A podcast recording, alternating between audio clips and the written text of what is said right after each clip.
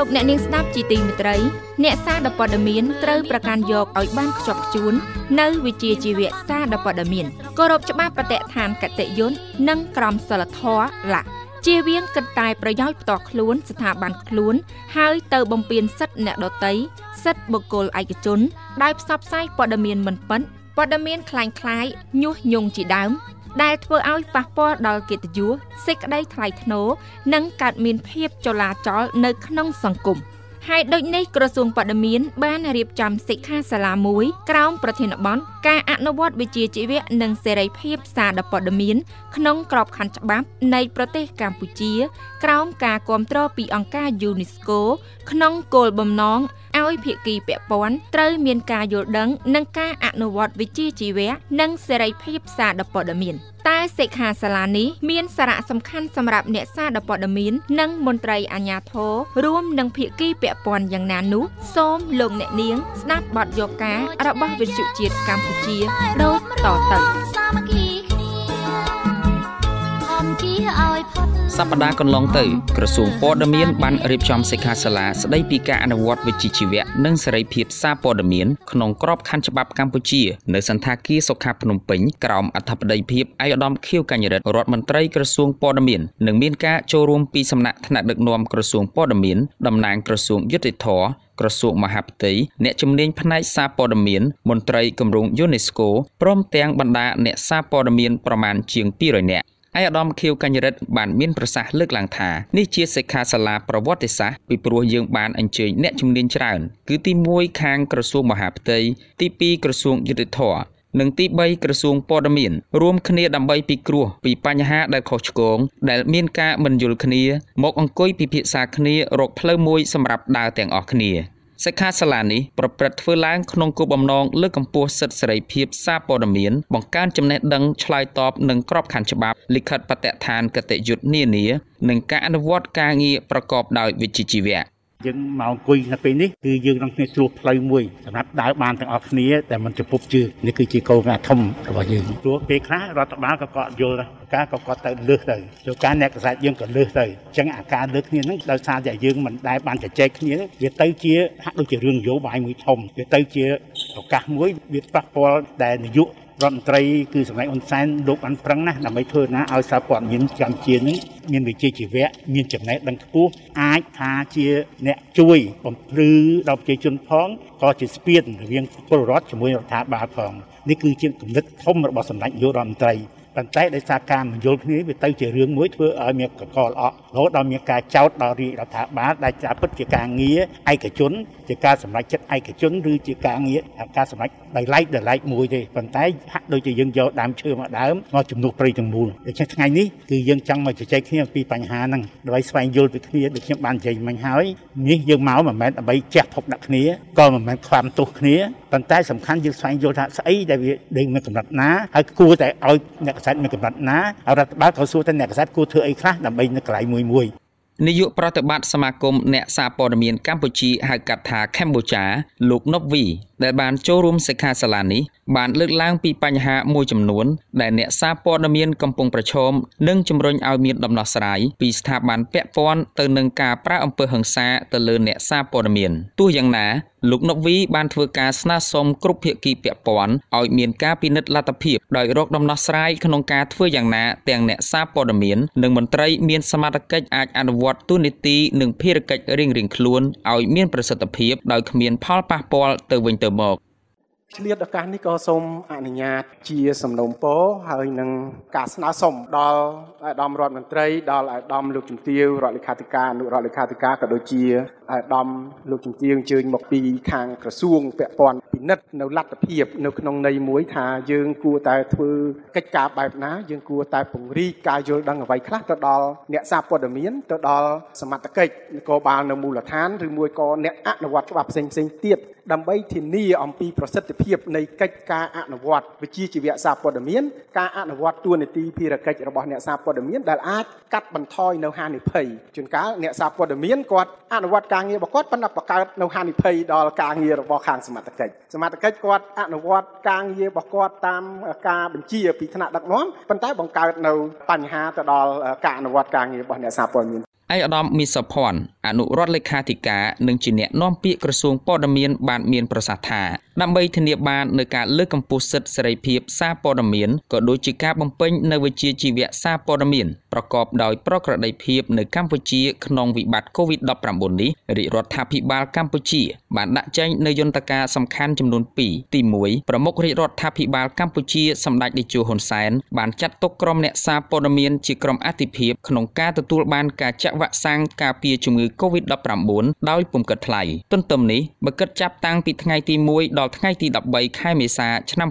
2021ក្រសួងព័ត៌មានបានសម្របសម្រួលជាមួយក្រសួងសុខាភិបាលផ្ដល់ការចាក់វ៉ាក់សាំងដល់អ្នកសារព័ត៌មាននិងអ្នកធ្វើការក្នុងវិស័យព័ត៌មាននិងសោតទស្សន៍បានជាង5000នាក់ទី2តកតងនឹងការបំពេញការងារនិងធានាប្រក្រតីភាពនៃការអនុវត្តវិជ្ជាជីវៈរបស់អ្នកសារព័ត៌មាននោះក្រសួងព័ត៌មានក៏បានចេញលិខិតបញ្ជាក់ការធ្វើដំណើររបស់អ្នកសារព័ត៌មានជាតិនិងអន្តរជាតិដើម្បីអាចចូលយកព័ត៌មាននៅក្នុងតំបន់បិទគប់និងតំបន់មួយចំនួនដែលត្រូវបានហាមឃាត់ដើម្បីធានាថាបងប្អូនអ្នកសារព័ត៌មាននៅតែអាចបំពេញការងារតាមវិជ្ជាជីវៈរបស់ខ្លួនបានដោយប្រក្រតីឯកឧត្តមបន្តថានៅពេលដែលយើងនិយាយអំពីការអនុវត្តវិជ្ជាជីវៈនិងសិទ្ធិសេរីភាពនៅក្នុងសង្គមប្រជាធិបតេយ្យគឺទាមទារនៅចំណុចពីរសំខាន់គឺទី1ការអនុវត្តសិទ្ធិឲ្យបានត្រឹមត្រូវនិងទី2ការទទួលខុសត្រូវដើម្បីទទួលបានសិទ្ធិនោះមិនតែប៉ុណ្ណោះត្រូវស្វែងយល់អ្វីដែលជាក្របខ័ណ្ឌច្បាប់លិខិតបទដ្ឋានគតិយុត្តដែលជាមូលដ្ឋានក្នុងការបំពេញការងារឯកឧត្តមបន្តថា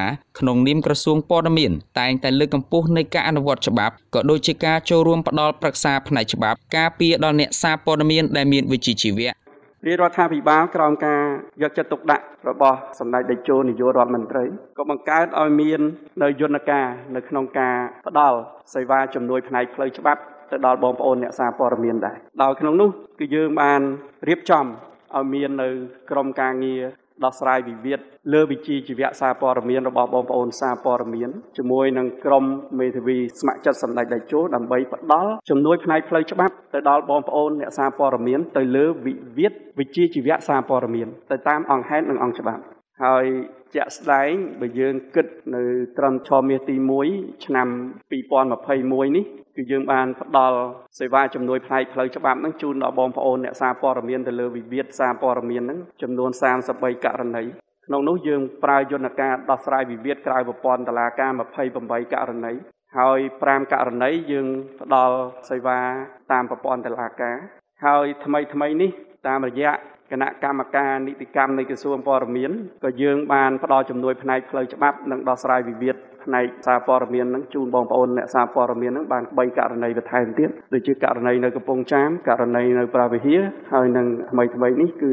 ករណីទៅលើអង្គភាពសារព័ត៌មានមួយផងដែរដែលយើងដោះស្រាយវិវាទ ចំណែកលោកសៅផននិស័យនិពន្ធនាយកនៃសារព័ត៌មានថ្មីថ្មីវិញបានទាញចំណាប់អារម្មណ៍សំខាន់ទៅលើគុណភាពនៃការផលិតព័ត៌មានដែលលោកយល់ថានេះគឺជាបញ្ហាប្រឈមមួយចំពោះការអនុវត្តវិជ្ជាជីវៈសារព័ត៌មានចំនួនថ្មីហើយអ្វីដែលលោកចង់បាននោះគឺការកសាងសហគមន៍ព័ត៌មានមួយដែលមានគុណភាព ចំណុចដែលខ្ញុំចង់ទាញចំណាប់អារម្មណ៍ជុំវិញការផលិតព័ត៌មានដែលមានគុណភាពហ្នឹងគឺកន្លងមកយើងឃើញមានអ្នកកាសែតយើងច្រើនមែនទែនប៉ុន្តែ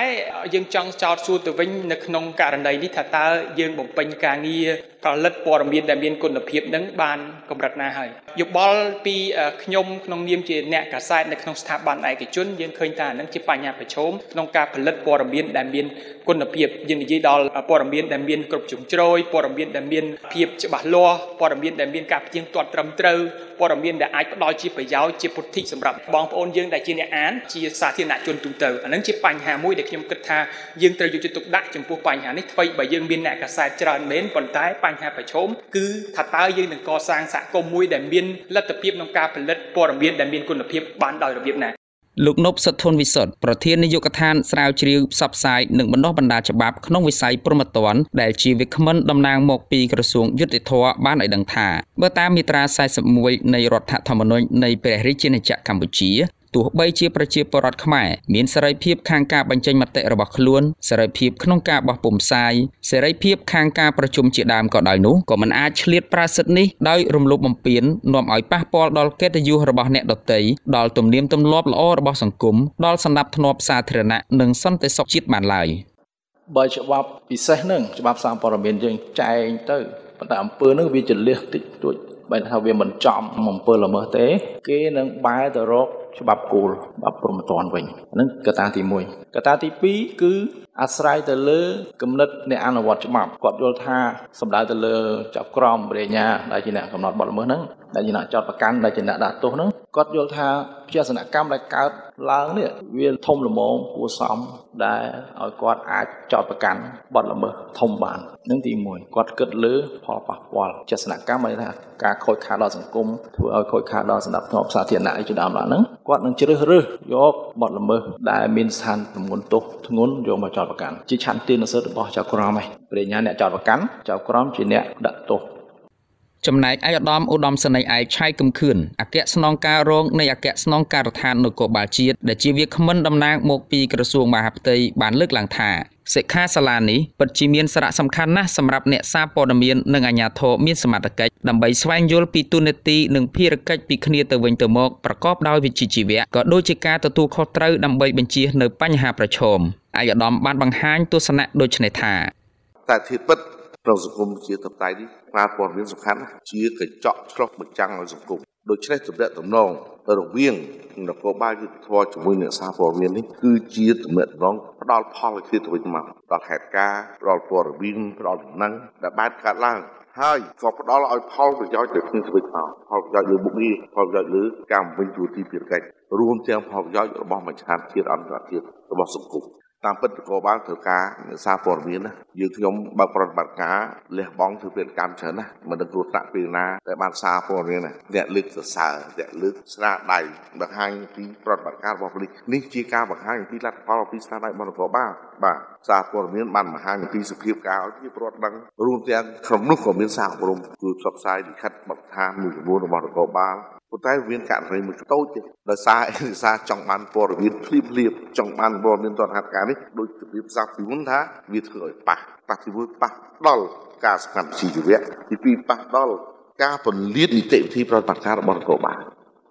ឯកឧត្តមខៀវកញ្ញរិទ្ធរដ្ឋមន្ត្រីក្រសួងព័ត៌មានបានមានប្រសាសន៍ផ្ដាំផ្ញើថាគ្រប់ភាគីពាក់ព័ន្ធទាំងអ្នកកាសែតទាំងអាជ្ញាធរគឺទាំងអស់គ្នាត្រូវតែស្ថិតនៅក្រោមច្បាប់ យើងដឹងហើយថាក្នុងសង្គមប្រជាធិបតេយ្យសារព័ត៌មានដើរតួសំខាន់ណាស់គ្មានសារព័ត៌មានមួយសេរីឯករាជ្យគឺมันអាចមានសង្គមប្រជាធិបតេយ្យបានទេប៉ុន្តែមួយចំនួនក៏ច្រឡំថាឯករាជ្យហ្នឹងគឺត្រូវតែមិននៅក្នុងច្បាប់ឬក៏មិនត្រូវដើរតាមរាជរដ្ឋាភិបាលគឺត្រូវតែប្រឆាំងរាជរដ្ឋាភិបាលបានថាឯករាជ្យនឹងជាការខុសច្រឡំហ្នឹងអំបញ្ញមិញយើងត្រូវឈរទាំងអស់គ្នាគោរពទង់ជាតិ បានន័យថាទាំងអ្នកអាស្រ័យទាំងណាទាំងអស់គឺនៅក្នុងដំបូលតែមួយគឺរដ្ឋកម្ពុជានេះចឹងឯករាជ្យមានន័យថាគឺសេរីភាពក្នុងការគិតនៅក្នុងខួរក្បាលមិនមែនចំហប្រឆាំងដាច់ខាតមិនមែនចំហគ្រប់គ្រងដាច់ខាតមិនមែនទេអ្នកកសែតមានចំហមួយដែលឡែករបស់ខ្លួន លោកអ្នកនាងស្ដាប់ជាទីមេត្រីនៅក្នុងសង្គមប្រជាធិបតេយ្យសារព័ត៌មានមានសារៈសំខាន់ណាស់ជាកញ្ចក់ឆ្លុះបញ្ចាំងពីបញ្ហានៅក្នុងសង្គមបង្ហាញដល់សាធារណជនគ្រប់ស្រទាប់វណ្ណៈ ជាស្ពានពំនាំនៅគោលការណ៍ណែនាំគោលនយោបាយផែនការយុទ្ធសាស្ត្រជាតិនិងបញ្ហានានានៅក្នុងសង្គមជាដើមលក្ខនឹងលក្ខប្រាប់ដល់ជនរួមជាតិជាអ្នកពំនាំនៅមតិយោបល់ទុកលំបាករបស់ប្រជាពលរដ្ឋគ្រប់មជ្ឈដ្ឋានទៅប្រាប់រាជរដ្ឋាភិបាលដូច្នេះអ្នកសារព័ត៌មានត្រូវតែមានទំនាក់ទំនងយ៉ាងស្អិតល្មួតរវាងគ្រប់មជ្ឈដ្ឋានទាំងអស់នៅក្នុងសង្គមមិនតែប៉ុណ្ណោះអ្នកសារព័ត៌មានគួរតែបំពេញតួនាទីនិងភារកិច្ចក្នុងការដំកល់ផលប្រយោជន៍ជាតិបើទោះបីថាអ្នកសារព័ត៌មានមានអំណាចទី4ក្តីក៏ត្រូវតែអនុវត្តនៅវិជ្ជាជីវៈនិងសេរីភាពសារព័ត៌មានស្ថិតក្នុងក្របខ័ណ្ឌច្បាប់ជានិច្ចខ្ញុំបាទភួងឈុនលៀនវិទ្យុជាតិកម្ពុជា